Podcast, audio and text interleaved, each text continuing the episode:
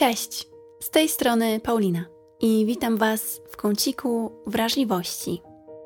W styczniu po 12 odcinkach podcastu postanowiłam podarować sobie przerwę, żeby napełnić moją studię inspiracji i kreatywności. I chcę Wam osobiście podziękować, że przez ten cały czas byłyście ze mną, odtwarzałyście odcinki, dzieliłyście się ze mną swoimi przemyśleniami i pisałyście do mnie wiadomości z ciepłymi słowami. Wiedzcie, że dla mnie, jako dla twórcy, każde wsparcie, każde dobre słowo uskrzydla mnie i to dla mnie ogromna motywacja do dalszego tworzenia. Jestem tu dzięki Wam, Waszym komentarzom i wiadomościom, którymi pokazujecie, że to, co robię, daje Wam prawdziwą wartość. Dlatego, jeśli macie ochotę dać mi znać, że doceniacie moją pracę, możecie zrobić teraz screena tego odcinka i wrzucić na swoje Instagramowe stories. Nie zapomnijcie oznaczyć mnie jako wysoko wrażliwa, żebym mogła to zobaczyć i osobiście podziękować Wam, że tu jesteście. A teraz Przejdźmy do dzisiejszego tematu, bo jest naprawdę bardzo ważny. Zresztą po moich wcześniejszych odcinkach pewnie już zauważyłyście, że wyznaczanie granic to mój ulubiony obszar rozwijania siebie. Dlaczego? Bo ta umiejętność i w ogóle zrozumienie, czym są granice w relacjach jak mogę je wyznaczać z szacunkiem, to było dla mnie największe uwolnienie. Uwolnienie od ciężaru, który sama na siebie narzucałam. Dzięki zrozumieniu granic większość moich problemów zniknęła, a ja czuję się teraz lżejsza i nie mam poczucia, że zdradzam samą siebie.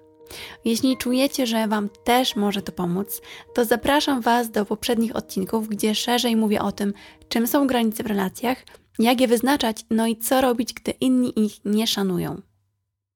A dzisiaj skupimy się na tym okropnym, ciężkim i przytłaczającym poczuciu winy, które bardzo często pojawia się, gdy zaczynamy dopiero wyznaczać granice, odmawiać komuś czegoś albo się na coś nie zgadzać.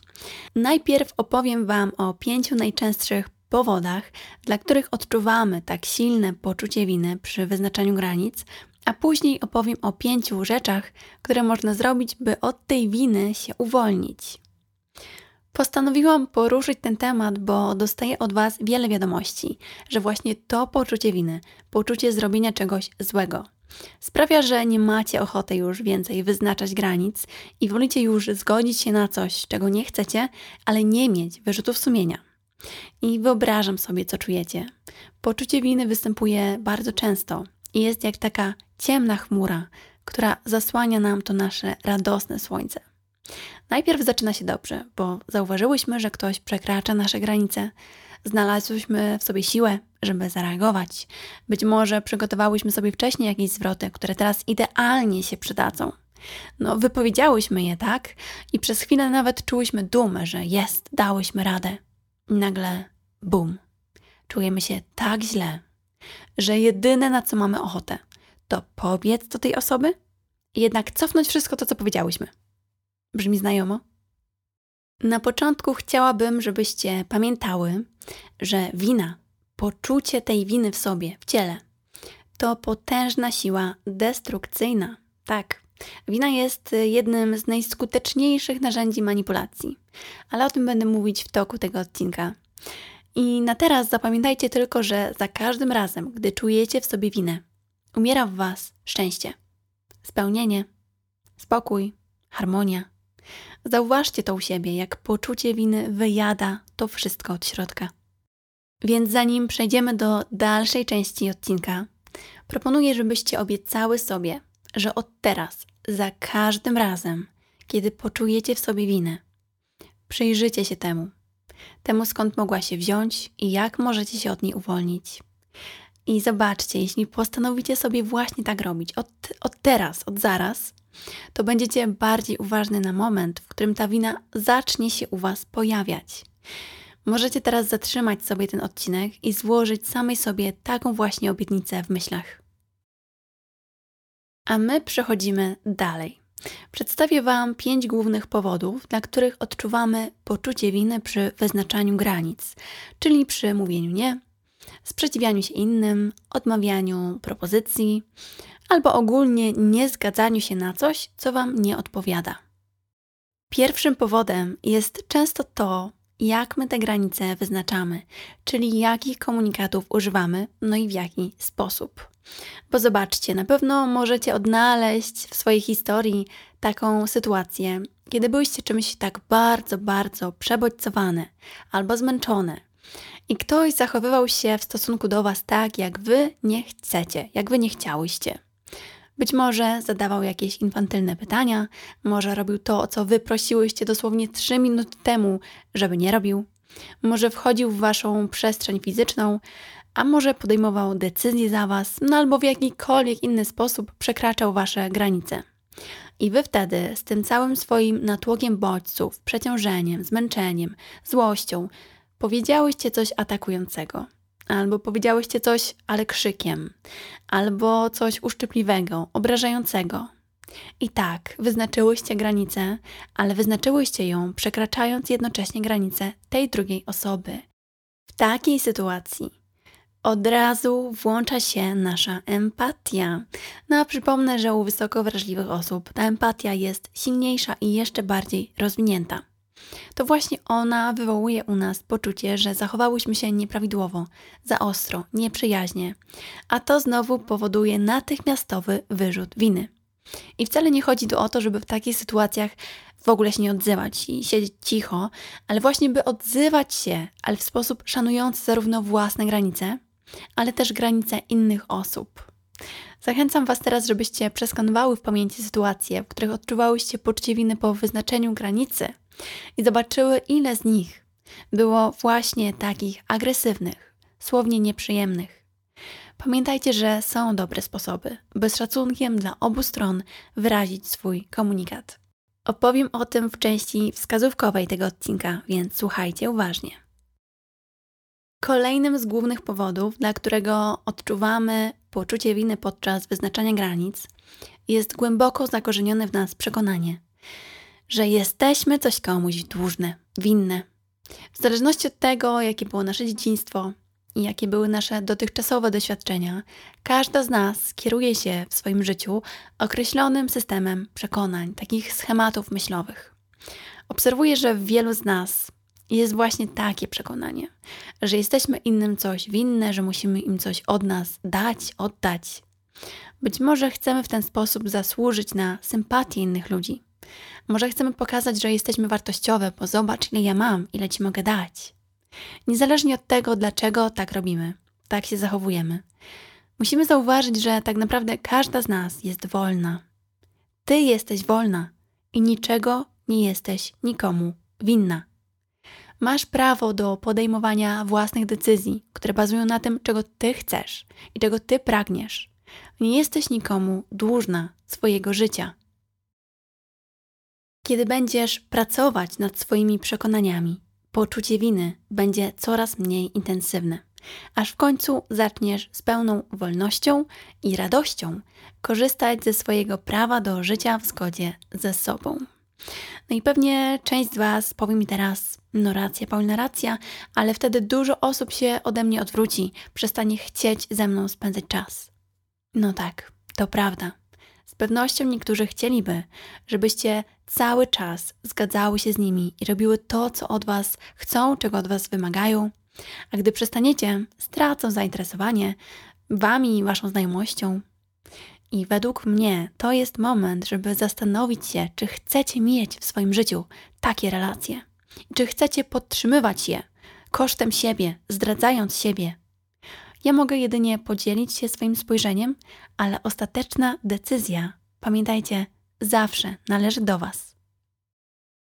Trzeci powód, dla którego tak często mamy poczucie winy podczas wyznaczania granic, jest taki, że to inni ludzie w nas to poczucie winy wywołują. Na początku odcinka wspomniałam, że poczucie winy to bardzo silne narzędzie, technika manipulacji. Teraz przyszedł moment, żebym rozwinęła tę myśl. Poczucie winy jest stanem tak nieprzyjemnym i wręcz bolesnym psychicznie i czasami fizycznie, że jesteśmy w stanie zrobić naprawdę dużo, żeby się go pozbyć. I niektóre osoby, czasem zupełnie nieświadomie, a czasem wręcz z premedytacją, próbują wywołać w nas poczucie winy. by nas do czegoś przekonać, żeby osiągnąć jakiś swój cel. A tym celem może być naprawdę wszystko. Przeszkodą na ich drodze do tego celu jest oczywiście moment, w którym my się na coś nie zgadzamy, czyli wyznaczamy granice, tak, mówimy nie, no bo w ten sposób krzyżujemy im te plany, im, ten cel, tą drogę do celu. No i w odpowiedzi na naszą odmowę może pojawić się mnóstwo różnych komunikatów. Komunikatów, które mają w nas wywołać poczucie winy i tym samym sprawić, że zmienimy zdanie. Wśród tych najczęstszych wymieniłabym na pewno, no ale ja przecież w tamtym roku, w tamtym miesiącu, wczoraj ci pomogłam, a ty teraz nie chcesz pomóc mnie. Albo na przykład, no ale ja mam małe dziecko, ale ja jestem w nieszczęśliwym małżeństwie, ale ja mam takie niesprawiedliwe życie i ty nie chcesz się na to zgodzić. Dalej, często jest też, no ale my przecież jesteśmy rodziną, ale my przecież tak długo się znamy, ale my przecież tak bardzo się lubimy i ty mi teraz mówisz nie?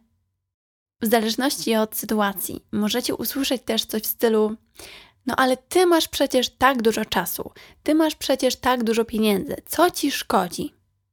I tutaj, żebyśmy się dobrze zrozumiały, ja jak najbardziej jestem za pomaganiem osobom, które tego potrzebują.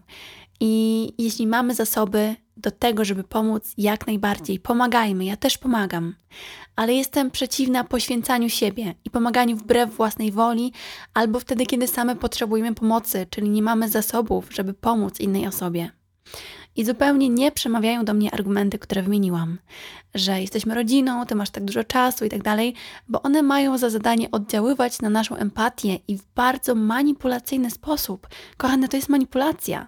Przekonać nas do czegoś, na co nie mamy ochoty, czasu, e, nie wiem, zasobów, na to na początku się nie zgodziłyśmy. Więc manipulacja i wywoływanie w nas poczucia winy przez innych ludzi to jest trzeci powód, dla którego czujemy się winne, gdy odmawiamy. Czwarty powód jest bardzo popularny i związany z niezrozumieniem prawa do działania w zgodzie ze sobą oraz prawa do decyzji. Zauważam, że wiele osób, gdy spotyka się z odmową z naszej strony, czuje się w pozycji, która uprawnia ich do akceptacji no albo odrzucenia tej naszej odmowy. Chodzi mi o takie osoby, którym odmówiłyśmy i które czekają na wytłumaczenie powodu odmowy. Ale uwaga, takiego powodu, który będzie dla nich racjonalny. To właśnie oni mówią coś w stylu: nie, bo nie, to nie jest odpowiedź, nie, bo nie mam ochoty, to nie jest prawdziwy powód, powiedz dlaczego odmawiasz i tak dalej. W ten sposób wiele z tych osób projektuje na nas przymus podania racjonalnego wytłumaczenia, dla którego odmawiamy. A ponieważ ten przymus projektują, czyli jest to projekcja, to my przyjmujemy go jako nasz przymus i nagle mamy w sobie jedną wielką spinę, jedną wielką presję, żeby podać dobry powód, dla którego komuś odmawiamy. Dobry, czyli oczywiście taki, który zostanie przez tego kogoś zaakceptowany, poklepany, ok, zatwierdzone. W ten sposób poczucie winy pojawia się w momencie, kiedy to nasze wytłumaczenie nie jest wystarczająco dobre, racjonalne dla tej drugiej osoby, albo kiedy druga osoba go nie rozumie i mówi: A, ja bym zrobiła inaczej. W takiej sytuacji łatwo jest poczuć, że nie powinnyśmy wyznaczać granicy, że nie powinnyśmy odmawiać, że to było niepotrzebne, nieuzasadnione, niezrozumiane. I wtedy rodzi się to nasze poczucie winy. Myślę, że tutaj też warto dodać, że jest też wiele osób, które tak same z siebie czują potrzebę tłumaczenia się przed innymi. Nie potrzebują nawet żadnej osoby, e, która będzie tego tłumaczenia od nich wymagać. Po prostu same z siebie zaczynają uzasadniać swoją decyzję, no i zaczynają podzić się, kiedy ta druga osoba nie pokazuje, że to rozumie. I chcę tu zaznaczyć coś niezwykle ważnego co umyka wielu osobom i w tym momencie zaczynają udowadniać mi, że warto tłumaczyć innym motywację swoich działań. Tak, zgadzam się, warto. Nie ma nic złego w tłumaczeniu komuś swoich potrzeb, swoich zachowań, ale nie zachęcam, by tłumaczyć się ze swoich potrzeb i zachowań. Tłumaczyć coś, a tłumaczyć się z czegoś to jednak duża różnica tym pierwszym przypadku robimy to, by ktoś nas zrozumiał, żeby komuś przetłumaczyć naszą duszę. A w drugim przypadku już nie jesteśmy równi, już nie jesteśmy wolni, tylko komuś podlegamy i tłumaczymy się, jakbyśmy podejmowaniem własnych decyzji robiły coś złego. Drugi scenariusz jest częstym źródłem poczucia winy i na to według mnie warto zwracać uwagę. Ostatni, piąty powód jest bardzo powszechny u osób, które dopiero uczą się wyznaczać granice i albo nigdy tego nie robiły, albo jest to jeden z pierwszych razy, albo zawsze, gdy to robiły, spotykały się z kimś, kto krytykuje tę postawę i z zachowaniem innych osób, które nie popierały tego wyznaczania granic, bo to, to wyznaczanie granic, to tam naczytała się czegoś, to tam mnie się trzeba słuchać. I chodzi mi tutaj o to, że trudność w wyznaczaniu granic i takie początkowe poczucie winy, początkowe poczucie dyskomfortu jest bardzo naturalne. Gdy zaczyna się tę podróż w stronę asertywności, bardzo często można coś takiego poczuć. Niestety, wiele osób zupełnie o tym nie wie, nie jest tego świadomych i zaczyna myśleć, że kiedy odczuwają ten dyskomfort, to poczucie winy, to znaczy, że robią coś nie tak, że z nimi jest coś nie tak, że z wyznaczaniem przez nie granic jest coś nie tak i wycofują się z pomysłu wyznaczania granic, a wracają do tego, co znają i w czym jest im w miarę bezpiecznie, w czym wiedzą, czego mogą się spodziewać, czyli do pozwalania na przekraczanie swoich granic. Jeśli więc macie poczucie winy, albo po prostu jakoś tak czujecie się niezręcznie przy wyznaczaniu granic, to wiedzcie, że to jest zupełnie naturalna część procesu uczenia się. Gdy coraz częściej będziecie odważały się na wyrażanie własnego zdania, własnych potrzeb, próśb, coraz łatwiej będzie to Wam przychodzić i coraz częściej będzie e, pozostawiać Was takim poczuciem, że robicie coś dobrego zamiast złego. Znacie już więc pięć najczęstszych powodów, dla których odczuwa się poczucie winy przy wyznaczaniu granic. Mam nadzieję, że z tej listy wybrałyście kilka takich e, elementów, no, które u Was najczęściej mogą być źródłem poczucia winy. A teraz przechodzimy do części ze wskazówkami, czyli do takich moich propozycji, co możecie zrobić, wprowadzić, przestać, żeby uwolnić wyznaczanie granic od poczucia winy. Zaczniemy od pierwszej wskazówki. Ona będzie szczególnie pomocna dla osób, które odczuwają poczucie winy właśnie mm, przez to, że wyznaczają granice w taki sposób agresywny. I proponuję Wam, żebyście od teraz, już na zawsze, zapamiętały, żeby formułować myśli w formie tak zwanych komunikatów ja. Komunikat ja to taka forma wyrażania swoich myśli, odczuć, potrzeb w pierwszej osobie liczby pojedynczej, czyli ja. Ja czuję się, ja potrzebuję, ja chcę, ja nie chcę i tak dalej. I wiem, że dla wielu osób ten sposób wyrazu kojarzy się bardzo egoistycznie, no bo jest tylko ja, ja, ja, ja czuję, chcę, potrzebuję. Ale zobaczcie, o kim innym mamy mówić, skoro jedyne co wiemy, to to, co u nas się dzieje. My wręcz nie mamy prawa wypowiadać się za innych i mówić o ich myślach, ich uczuciach, ich potrzebach. No bo jakby to wyglądało? Mam powiedzieć, ty czujesz się? Ty potrzebujesz? Przecież my nawet nie wiemy. I tutaj wchodzi rozmowa. Możemy powiedzieć: Ja czuję się i zapytać: A ty, jak ty się czujesz? Bo tylko ci inni mają prawo, mogą tak prawidłowo powiedzieć o tym, co jest w nich. I komunikat ja wcale nie gryzie się z tym, żeby właśnie tym innym osobom też dać przestrzeń na wyrażenie tego, co jest w nich. Czyli taki przykład. Zamiast mówić, ty ciągle za mnie decydujesz, traktujesz mnie, jakbym była małą dziewczynką to lepiej jest powiedzieć: Słuchaj, to dla mnie ważne, żebym ja sama mogła decydować za siebie, o sobie. Chcę podjąć tę decyzję sama. No a jeśli ktoś powie ci, że jesteś egoistyczna, zaproś tą drugą osobę do podzielenia się swoimi potrzebami, też w formie komunikatu ja. Tak właśnie wygląda rozmowa. Bez obrażania, bez przerzucania się winą, bez ping-ponga ale taka, która dostarcza drugiej stronie przydatnych informacji, no i która bazuje na obopólnym szacunku i zaufaniu. Druga wskazówka, jaką dla Was mam, jest związana z uszanowaniem własnego prawa do podejmowania decyzji o sobie i swoich zasobach, więc chodzi o zrozumienie granic w relacjach. Tutaj warto pamiętać, że każda osoba ma swoje własne zasoby które nie są połączone z zasobami innych osób, jeśli oczywiście są prawidłowo mm, rozwinięte, zbudowane, jeśli nie ma tam zależności.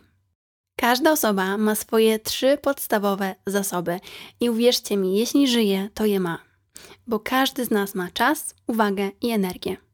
I tymi trzema zasobami, odpowiednio oczywiście je gdzieś tam rozdysponowując, można zbudować każde inne, wszystkie pozostałe zasoby. Na przykład finanse, tak, pieniążki. Można zbudować, jeśli poświęci się czas, uwagę i energię na działania, które te pieniążki przynoszą. Mm, dalej, wykształcenie. Można zbudować, poświęcając czas, uwagę i energię na zdobywanie wiedzy. E, zasób pod tytułem wygląd można zbudować, poświęcając czas, uwagę i energię, ucząc się o zdrowiu, o wyglądzie, nie wiem, ćwicząc, robiąc sobie jakieś przepyszne, zdrowiutkie jedzonko. Odpowiednio zarządzając tymi zasobami, czasem, uwagą i energią, każda osoba może budować i rozwijać kolejne zasoby. Więc jeśli ktoś prosi nas o coś, czy wymaga czegoś, czy oczekuje, czy narzuca, to tak naprawdę on nie narzuca, nie oczekuje, nie wymaga, tylko tam zawsze jest pytanie. On pyta nas, czy użyczymy mu naszych zasobów do rozwijania jego życia, jego pragnień, jego potrzeb, przyjemności, ciekawości, zasobów.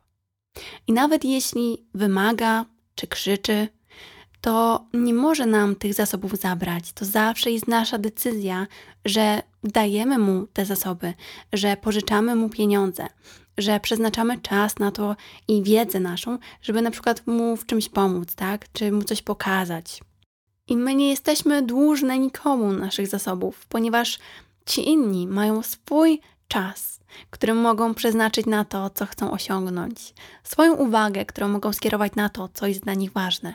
No i swoją energię życiową, którą mogą inwestować w budowanie własnego życia i własnych zasobów. I to jest decyzja innych ludzi, jak gospodarują Twoimi zasobami, i nasza decyzja, jak my gospodarujemy naszymi. I to jest bardzo ważne, żeby zapamiętać, że w każdej sytuacji, która wymaga zarządzania naszymi zasobami, mamy prawo podjąć tą decyzję, gdzie chcemy, jak, ile tych zasobów przeznaczyć, dokładnie tak, jak tego chcemy. I na tym polega zrozumienie granic w relacjach. Chodzi o granice, które wyznaczają przestrzeń każdego człowieka do podejmowania własnych decyzji na własnej przestrzeni dotyczących tego człowieka i do zarządzania własnymi zasobami. By uwolnić się od poczucia winy spowodowanego poczuciem bycia dłużną, przypomnijcie sobie tę zasadę granic i zasadę zasobów i podejmijcie decyzję, która bazuje na waszym świadomym zarządzaniu swoją przestrzenią, swoimi zasobami, a nie na poczuciu winy, czy poczuciu wstydu, czy poczuciu strachu. Trzecią wskazówką dla uwolnienia się od poczucia winy przy wyznaczaniu granic jest to, by zauważać komunikaty, które płyną od innych osób. Jest to szczególnie ważne dla tych z Was, które za rozmówcy mają osobę no, taką, która natarczywie przekracza Wasze granice, nie szanuje Waszego prawa do decydowania o sobie, narzuca Wam coś, jakieś działania, decyzje, zachowania itd.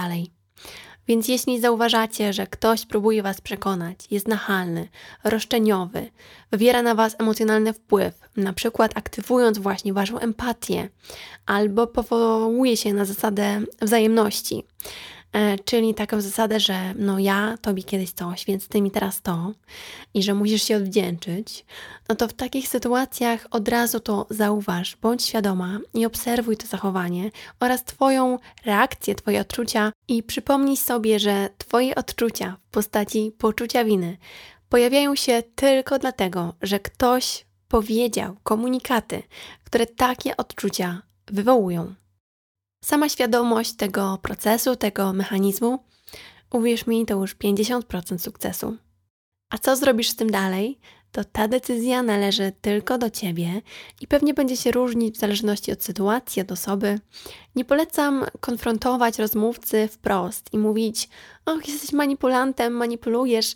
Mm, to zawsze wychodzi jakoś tak inaczej i ta osoba jeszcze bardziej manipuluje, ale tak zachęcam takim dobrym gestem, sposobem, zachowaniem mm, jest, żeby właśnie tak uśmiechnąć się, zrobić coś takiego małego, słowem na przykład dać do zrozumienia, że rozumiemy o co chodzi, no i nie mamy kompletnie reakcji, której oczekiwała ta osoba i swojego zdania nie zmienimy. Czwarta wskazówka jest bardzo prosta ale nie jest łatwa i czasami może przysporzyć odrobinę dyskomfortu, szczególnie dla osób, które no właśnie odczuwają taką potrzebę tłumaczenia się ze swoich decyzji albo mają kontakt z rozmówcami, którzy takiego tłumaczenia się od tych osób oczekują. Chodzi mi o to, żeby ugryźć się w język i odrzucić nawyk tłumaczenia się ze swoich decyzji i ze swoich działań. Jeśli czujecie, że chcecie wytłumaczyć komuś coś, pamiętajcie, że możecie, warto, ale pamiętajcie, że jesteście w relacji, gdzie obie strony są na równi. Ty jesteś na równi z osobą, z którą rozmawiasz. Nie jesteś pięcioletnim dzieckiem, a twój rozmówca nie jest twoim rodzicem. Nie musisz starać się wyjaśnić, dlaczego klocki nie są w pudełku. A jeśli po takiej próbie wytłumaczenia czegoś tej drugiej osobie, ona nadal tego nie rozumie, to pamiętaj, że masz zawsze prawo powiedzieć coś w stylu: Ojejka, no widzisz, starałam ci się to wytłumaczyć. Starałam się najlepiej, jak mogłam. No ale nie szkodzi, jeśli nie rozumiesz. Jestem szczęśliwa z moją decyzją, także możemy już zmienić temat. I tyle. Natomiast jeśli traficie na osobę, która wymaga tłumaczeń, polecam technikę asertywności, o której kiedyś tutaj w podcaście i na blogu wspominałam, czyli tak zwaną technikę zdartej płyty. Chodzi w niej o to, żeby nie wymyślać żadnych nowych, dodatkowych tłumaczeń, nowych powodów. Jeśli mm, ta pierwsza osoba nie zrozumie, to nie wymyślamy nowych argumentów, tylko bazujemy na tym, co już powiedziałyśmy. Bo to było wystarczająco, wystarczająco dobrym powodem, żeby odmówić. Najlepszy przykład, jaki znam, pojawia się chyba na każdych imprezach rodzinnych. Pewnie też tego doświadczyłyście. Kiedy wujek Staszek namawia do wypicia z nim kieliszka. Jeśli nie chcecie, no to co odpowiadacie wtedy? Dziękuję wujku, no ale dzisiaj nie piję. No i wujek nalega, mówiąc, no ale ze mną się nie napijesz. I wy, stosując technikę zdartej płyty, odpowiadacie spokojnie i to jest bardzo ważne, z szacunkiem, nie z wyśmiewaniem, tylko naprawdę z szacunkiem i spokojnie.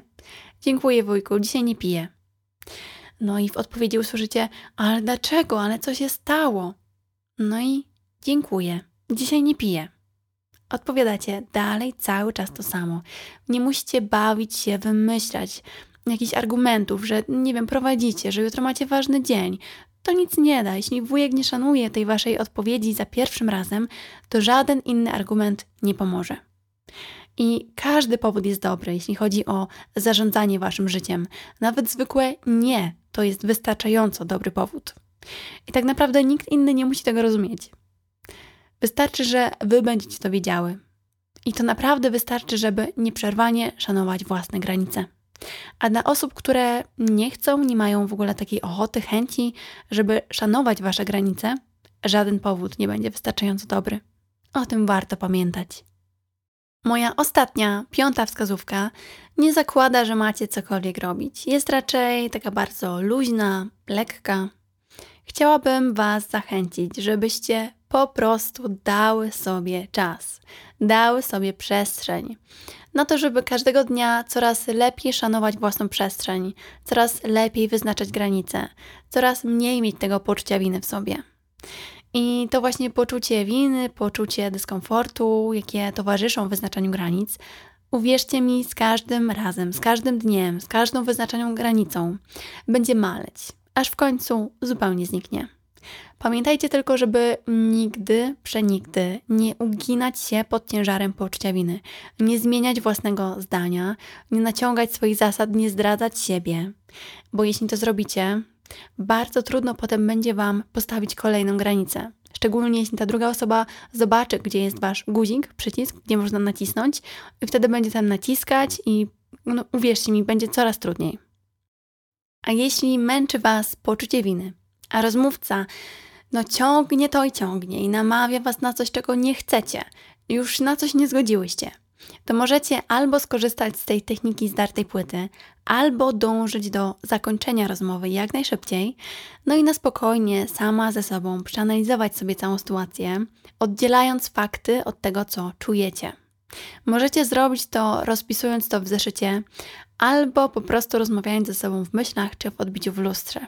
I obserwujcie, jak poczucie winy z każdą wyznaczoną granicą staje się coraz mniej intensywne, ponieważ wy odzyskujecie wasze prawo, wasze, waszą świadomość tego prawa, bo prawo zawsze miałyście, do podejmowania decyzji o waszym życiu dokładnie tak, jak tego chcecie.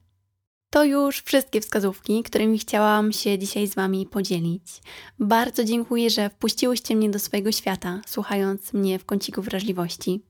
Mam nadzieję, że udało mi się dobrze przekazać mądrość, którą odnalazłam w sobie, kiedy uwolniłam się od etykietek powinnam, wypada, muszę.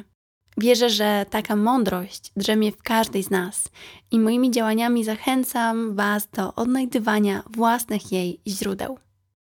A jeśli macie ochotę wejść ze mną głębiej w proces uwalniania się i pracować ze mną, zapraszam Was do Akademii Wysokowrażliwej, która nadal ma otwarte drzwi, ale tylko do końca czerwca. Akademia Wysokowrażliwej to wyjątkowa platforma, którą stworzyłam dla kobiet które pragną e, wzrastać, rozwijać się z pomocą kompleksowych narzędzi rozwojowych i w takiej wspierającej, siostrzanej atmosferze. E, teraz trwa nabór do programu Uwalnianie, w którym pokazuję mm, takie techniki, e, którymi można uwolnić się od ciężarów i wprowadzić do życia lekkość i spełnienie. Link do Akademii znajdziecie w opisie tego odcinka i na mojej stronie wysokowrażliwa.pl, ale pamiętajcie, że można zapisać się tylko do końca czerwca. Potem drzwi zostają zamknięte i program uwalnianie nie wróci. A teraz trzymam za Ciebie kciuki, moja droga słuchaczko, i wirtualnie towarzyszę Ci w Twojej podróży do uwolnienia się od poczucia winy. I w imieniu miłości, którą jesteś, proszę Cię, żebyś w trakcie tej podróży pamiętała o okazywaniu sobie czułości i wsparcia. Bo kącik wrażliwości może istnieć w internecie jako czuły podcast o emocjach w naszych domach jako przytulny kąt, gdzie zaszywamy się z dobrą książką, ale przede wszystkim kącik wrażliwości może istnieć w naszych głowach jako miejsce pełne wyrozumiałości i dobra dla samych siebie. I do tego właśnie chciałam Was dzisiaj zachęcić, by w swojej własnej głowie zrobić przestrzeń dla zrozumienia i czułości do siebie, swoich emocji i wszystkiego, co w nas bo życie jest przecież zbyt krótkie, by nawet przez jeden dzień być niemiłą dla samej siebie. Dziękuję za słuchanie i do usłyszenia w kolejnym odcinku podcastu. Pa!